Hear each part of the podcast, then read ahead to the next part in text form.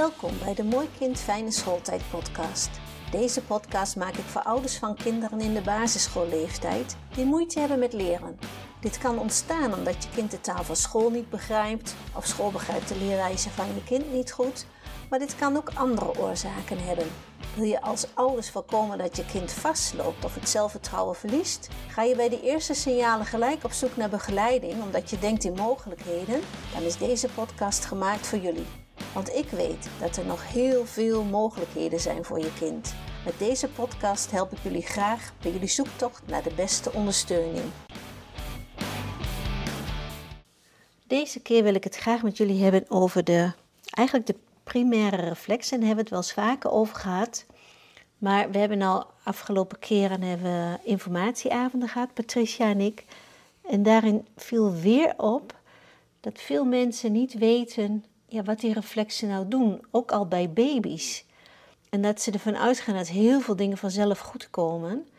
Terwijl je juist heel veel kan voorkomen als je eerder ingrijpt. Dus als je eerder in de gaten hebt, ah, als de ene reflex de andere in de weg staat, dan kan het dus zijn dat we problemen krijgen. Ik wil niet altijd in problemen denken, maar ja, je kan toch wel heel veel dingetjes zelf al zien en voorkomen. En vandaar dat ik het deze keer weer wil hebben over die primaire reflexen. Ik zal nog even uitleggen dat primaire reflexen zijn automatische bewegingen die een babylichaam uitvoert. Ze helpen een baby om geboren te worden en om de eerste maanden na de geboorte te overleven.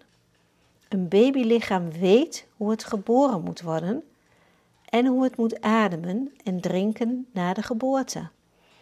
Allemaal dingen die het nog nooit eerder gedaan heeft. Die kan het. Hoe doet de baby dat allemaal?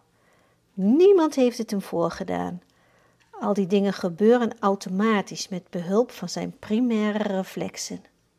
Deze reeksen bewegingen beginnen zich al te ontwikkelen vanaf de vijfde week in de baarmoeder. Ze laten zijn zenuwstelsel groeien en leren zijn lichaam te bewegen, te balanceren, te spannen en te ontspannen.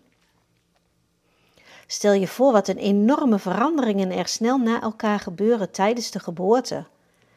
Tijdens het geboorteproces moet een baby van houding veranderen. Zijn lichaam door het geboortekanaal draaien, dan zijn lijfje uitstrekken en uit de voetenshouding komen. Plotseling wordt de verbinding van zijn leefruimte, de baarmoeder, verbroken als men de navelstreng doorknipt. Zijn longen moeten zich met lucht vullen en hij heeft een eigen ademhaling nodig om te overleven. Ook moet hij zijn lichaamstemperatuur regelen. Dan moet hij zijn voedsel, zijn moeders borst, kunnen pakken en kunnen drinken, of een flesje natuurlijk. Wanneer hij opeens iets ruikt of hoort, op zijn huid een aanraking voelt, licht ziet of zijn hoofd voelt vallen, moet hij meteen kunnen schreeuwen om te waarschuwen. Zonder deze vermogen sterft de baby na de geboorte. Gelukkig heeft hij zijn primaire reflexen, die ook wel overlevingsreflexen genoemd worden, om hem te helpen bij de overgang van de baarmoeder naar een eigen individueel leven buiten de baarmoeder. Primaire reflexen zijn dus heel belangrijk voor de baby en iedereen heeft ze. Bij pasgeboren baby's zijn ze ongeremd aanwezig en worden ze steeds opgewekt door bepaalde prikkels of bewegingen van zijn hoofd. Na een paar maanden moeten deze primaire reflexen plaatsmaken voor nieuwe bewegingen en worden ze afgeremd. De baby begint vanaf ongeveer de vijfde week in de baarmoeder, wanneer zijn evenwichtsorgaan aangelegd is, zichtbaar te reageren op prikkels van buitenaf. Zijn zenuwstelsel gaat zich ontwikkelen. Prikkels doen zijn zenuwen reageren. Je kunt op van alles reageren, maar het gaat hoofdzakelijk om alle soorten zintuigelijke prikkels, zoals geluiden, licht en donker, geuren, smaken, aanrakingen van de huid of bewegingen van je eigen lichaam of van andere mensen of dieren. Je zenuwen reageren natuurlijk ook op bewegingen binnen in je lichaam, op stoffen die je lichaam maakt, zoals hormonen en op de werking van maag en darmen en andere organen. De baby wordt als het ware gevoelig voor prikkels. Wanneer een prikkel hem raakt, lijkt het alsof de baby zich terugtrekt van de prikkel. Dat hebben ze kunnen filmen en dat kun je dus zien. Vandaar dat de eerste primaire reflex de terugtrekreflex heet. Het embryo doet er ongeveer vier weken over om over zijn hele lichaam gevoelig te worden. De gevoeligheid van het embryo vormt het begin van een keten van bewegingen die hij chronologisch doormaakt. Dat zijn de primaire reflexen die zich tot ongeveer vier maanden na de geboorte ontwikkelen. In ieder geval zijn alle primaire reflexen bij de geboorte ongeremd aanwezig. Als hij helemaal gevoelig is geworden voor prikkels uit zijn omgeving, krijgt zijn lichaam van binnenuit het zijn voor de voortgaande ontwikkeling van de volgende primaire reflex. Die ontwikkelt zich ook gedurende een aantal weken en als die weer helemaal klaar is, komt de daarop volgende primaire reflex tot uiting.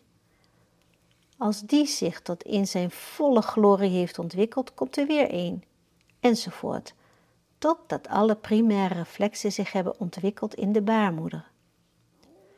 Telkens wanneer een reflex op zijn hoogtepunt is, wordt het zijn voor de opkomst van een daaropvolgende reflex gegeven. De volgende primaire reflex remt tijdens zijn volledige ontwikkeling de beweging van de vorige reflex wat af. Ongeremd betekent dat de reflex door bepaalde bewegingen of prikkels opgewekt blijft worden. Doordat die prikkels bijna voortdurend aanwezig zijn, is een baby dan ook bijna voortdurend zijn primaire reflexen aan het uitacteren. Nou, wat brengen die ongeremde primaire reflexen nou eigenlijk teweeg? Net zoals je de wind zelf niet kan zien, maar wel zijn sporen, kun je aan de sporen die de primaire reflexbewegingen in het opgroeiende kind achterlaten, aflezen of hij nog niet onder controle gebrachte primaire reflexen heeft. Wanneer na een jaar één of meer van de primaire reflexen nog storen, werkt het zenuwstelsel niet op zijn best.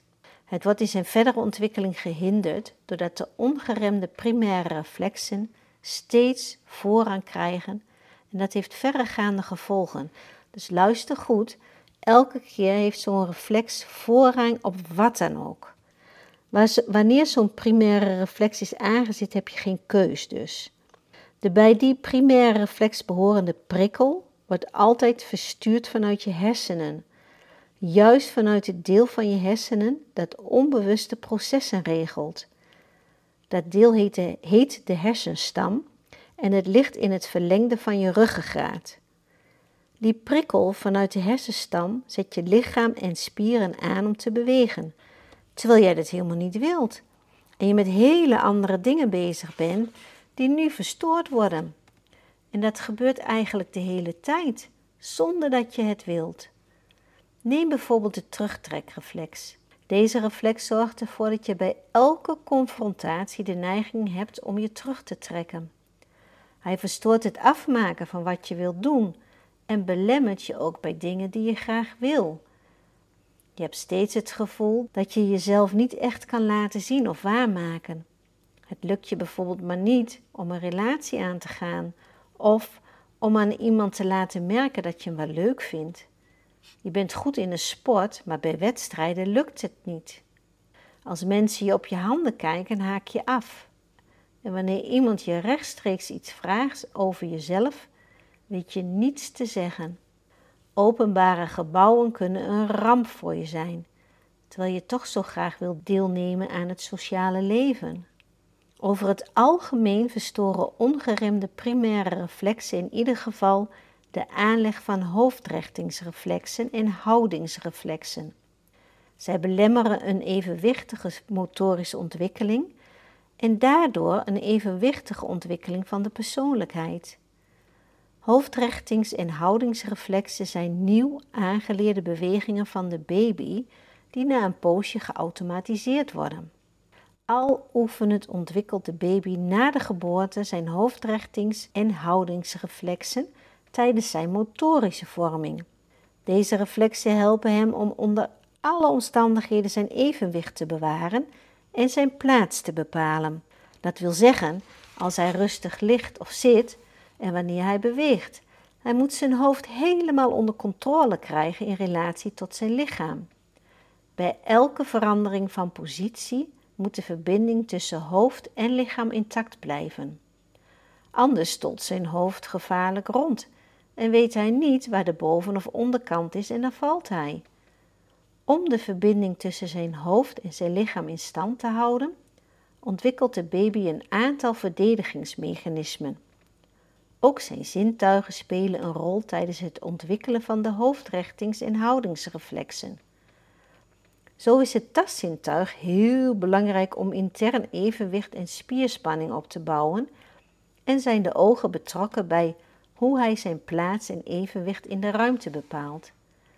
Het is erg handig dat onze hersenen niet elke keer alles weer opnieuw hoeven uit te vinden. Door veel te oefenen leg je bewegingspatronen aan en die worden geautomatiseerd en in het cerebellum opgeslagen. Dit cerebellum is het oudste, vrij kleine deel van ons brein onderaan de grote hersenen. Het cerebellum is dus een plaats waar aangeleerde nieuwe bewegingspatronen ook als er reflexen worden opgeslagen. Ga maar na. Fietsen of autorijden doe je automatisch, net als schrijven. Stel je voor dat je bij elke letter die je leest of schrijft weer ontzettend hard moet oefenen. Dan heb je nergens anders tijd voor. Bij een ongeremde aanwezigheid van primaire reflexen is het onmogelijk om de houdings- en hoofdrichtingsreflexen economisch te ontwikkelen.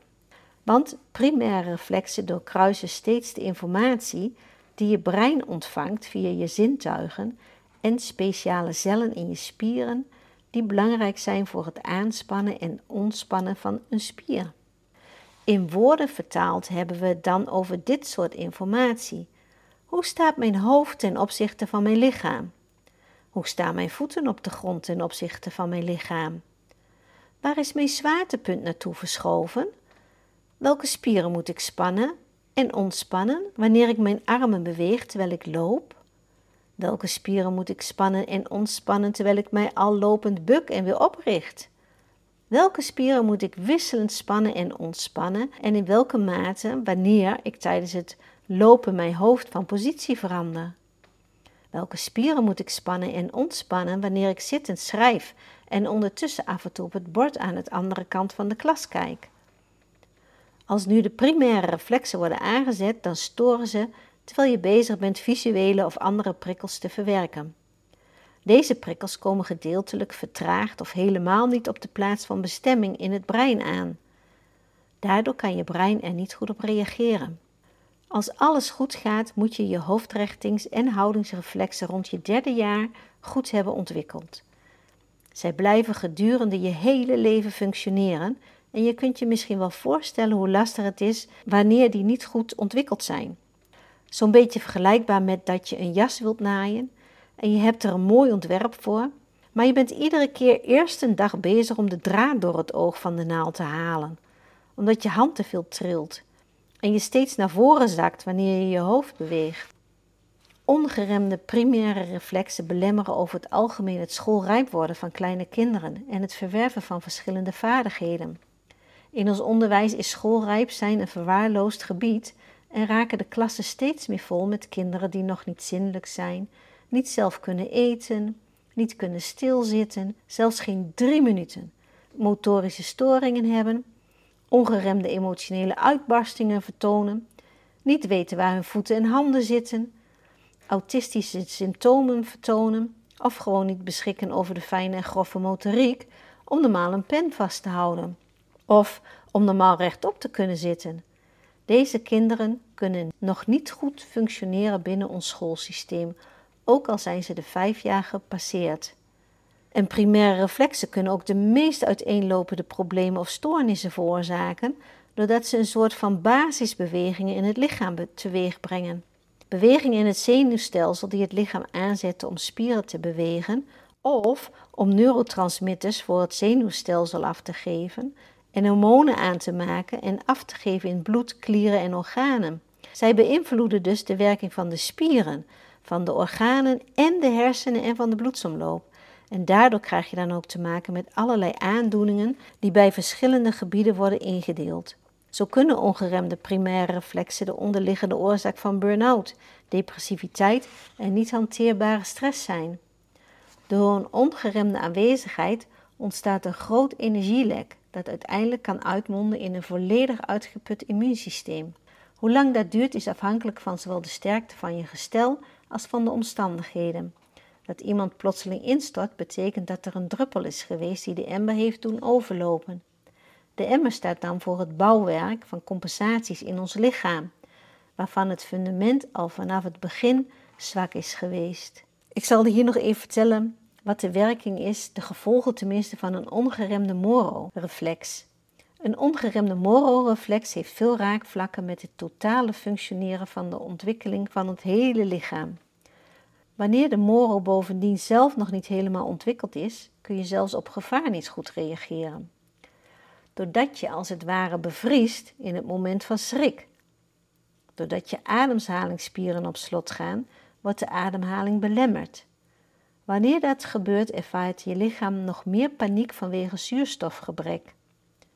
Je lichaam kan niets met de afgegeven adrenaline doen en de opeengehoopte adrenaline kan niet goed worden afgevoerd. En moet dan op een veilige plek in je weefsel worden opgeslagen, wat toch als een soort gif werkt. Je bijnieren raken op den duur uitgeput omdat zij te pas en te onpas aangezet worden tot het maken en afgeven van stresshormonen. Het immuunsysteem en het hele hormonale systeem hebben onder de invloed van een onverwerkte moro-reflex te lijden. Want ons immuunsysteem heeft ook adrenaline nodig voor de vernietiging van lichaamsvijandige elementen. Aan de ene kant is het door de moro-reflex een overproductie van adrenaline, waar je lichaam niet goed mee om kan gaan, terwijl je aan de andere kant door uitputting van de bijnieren te weinig adrenaline hebt. Een deel van ons zenuwstelsel, de parasympathicus, zorgt voor ontspanning, voor tot rust komen na stress of inspanning, voor herstel van kapot of verbruikt weefsel en voor alle spijsverteringsprocessen. Wanneer de morrelreflex wordt aangezet, gaat dat deel van ons zenuwstelsel op een laag pitje en is nauwelijks actief. Zo verstoort de aangezette morrel de balans tussen inspanning en ontspanning. Je lichaam kan niet meer tot rust komen en blijft jagen. Vele spijsverteringsproblemen zijn hierop terug te voeren. Elke plotseling van buiten in het lichaam komende prikkel kan een ongeremde moro aanzetten. Het eten van een boterham bijvoorbeeld kan de moro aanzetten en dan kan je lichaam reageren op dingen die het nodig heeft met het maken van stresshormonen. De afweerreactie van je lichaam krijgt de vorm van een allergie en dan ben je allergisch voor graan. Uiteenlopende allergieën zijn dikwijls terug te voeren op de ongeremde aanwezigheid van de moro. Dit is maar een van de vele voorbeelden waarbij voedsel de moro aanzet. Wanneer de moro steeds wordt aangezet, verzuurt het lichaam door een slechte afvoer van afvalproducten uit het bloed, weefsels en spieren. Te veel verzuring voelt aan als pijn. Wanneer het bloed vervuild raakt, krijg je vaak jeuk, die plotseling kan optreden, of hoofdpijn. Je lichaam probeert zich ondertussen op allerlei andere manieren van afvalproducten te ontdoen.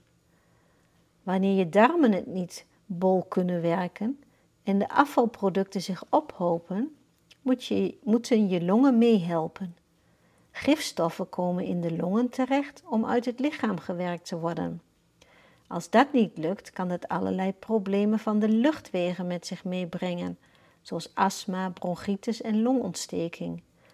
Wanneer je dan ook nog een slecht ontwikkelde ademhalingsreflex hebt, zal dit de problemen verergeren.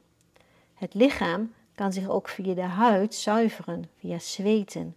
Maar als dat niet voldoende lukt, treden er huidproblemen op en heeft men eczeem of een andere huidaandoening. Onder invloed van de mororeflex kun je voedingstekorten oplopen, doordat je spijsvertering bemoeilijkt wordt. Ook je suikerhuishouding wordt ontregeld, wat weer de werking van je hersenen kan belemmeren. Je hersenen kunnen trouwens makkelijk overprikkeld raken wanneer het evenwicht tussen hormonen en neurotransmitters wordt verstoord. Wanneer een kind volwassen geworden is, kan hij te kampen krijgen met een van de vele hormoonziekten, bijvoorbeeld ziekte van de schildklier. Onder dit alles heb je organen, hart, maag, mild, galblaas, lever, darmen en longen weer te lijden en raken overbelast. Soms wordt autistisch gedrag door een onontwikkelde moro veroorzaakt. Iemand verzuipt in de chaos van prikkels en reageert hierop met zich terug te trekken. Want verdedigen tegen de prikkels lukt niet. Als je niet de hormonen aanmaakt die je nodig hebt om te kunnen ontspannen, lukt het je niet te ontspannen, ook al ben je nog zo uitgeput. Met een ongeremde moro kun je psychisch behoorlijk uit balans zijn. Je bent nooit zeker van binnenuit. Niets heb je onder controle. Je wordt voortdurend door letterlijk alles afgeleid, want alles is even interessant en alles eist tegelijk je aandacht op. Ook al wil je nog zo graag, je kunt geen keus maken. Doordat je niet kan focussen, letterlijk en figuurlijk, verspil je zeeën van tijd met in cirkels rond te draaien. Nou, dit waren even zo een aantal dingetjes die kunnen spelen als die primaire reflexen en daarna ook de overgangsreflexen en de levenslange reflexen. Als die zeg maar niet goed integreren, je hebt er echt die primaire reflexen bij nodig, want die andere komen allemaal daarna. Dus hoe belangrijk is dit dat je al vanaf hè, bij de baby al ziet, als die niet via het gewone geboortekanaal geboren is, dus via een keizersnee, een spoedkeizersnee, een, nou ja, een hele snelle bevalling, dan kun je soms al aan die reflexen zien dat ze niet goed gaan integreren. Ze hebben iets gemist al, ze zijn niet goed aangezet of ze staan de hele tijd nog aan. En het is toch jammer dat we daar al gelijk iets aan kunnen doen eigenlijk, met hele eenvoudige oefeningen, en dat we eigenlijk die kansen laten liggen. Dan wachten we tot de kinderen op school zitten, dan ontdekken we daar dat er wat aan de hand is. Ja, en dan kan je het hele proces eigenlijk nog ingaan. Als je al geluk hebt dat iemand dan weer aan die reflexen denkt. En ik blijf er maar over zeuren eigenlijk, want ik vind het zo zonde. Omdat je hier zoveel mee kan. En je kan hier zoveel dingen mee repareren of voorkomen. We hebben weer een informatieavond over de invloed van reflexen op ons leven. Van kruipen tot afstuderen. Het zal plaatsvinden op 28 november. We beginnen om 7 uur tot ongeveer half 9 in de ontmoetingskerk in Dieren, Admiraal Helveriglaan 54. De avond is geheel gratis. Geef je wel eventjes op bij uh, info.eigenleerweg.nl en dan, uh, dan gaan we elkaar misschien zien. Tot dan en uh, bedankt weer voor het luisteren en ik hoop dat jullie er weer wat aan hebben gehad. Tot gauw. Bedankt voor het luisteren naar deze podcast. Wil je meer Mooi Kind Fijne Schooltijd podcasts beluisteren? Abonneer je dan op deze podcast. Luister je via Spotify? Klik dan op volgen en op het belletje. Dan krijg je een bericht als de volgende podcast er is. Vertel ook anderen over deze podcast. Heb je aanvullingen, ideeën of tips? Dan hoor ik dit graag. Je kan met me in contact komen via Instagram of LinkedIn. Een mail sturen kan ook. Stuur deze dan naar info.eigenleerweg.nl En natuurlijk mag je ook een review achterlaten. Heel graag tot de volgende aflevering.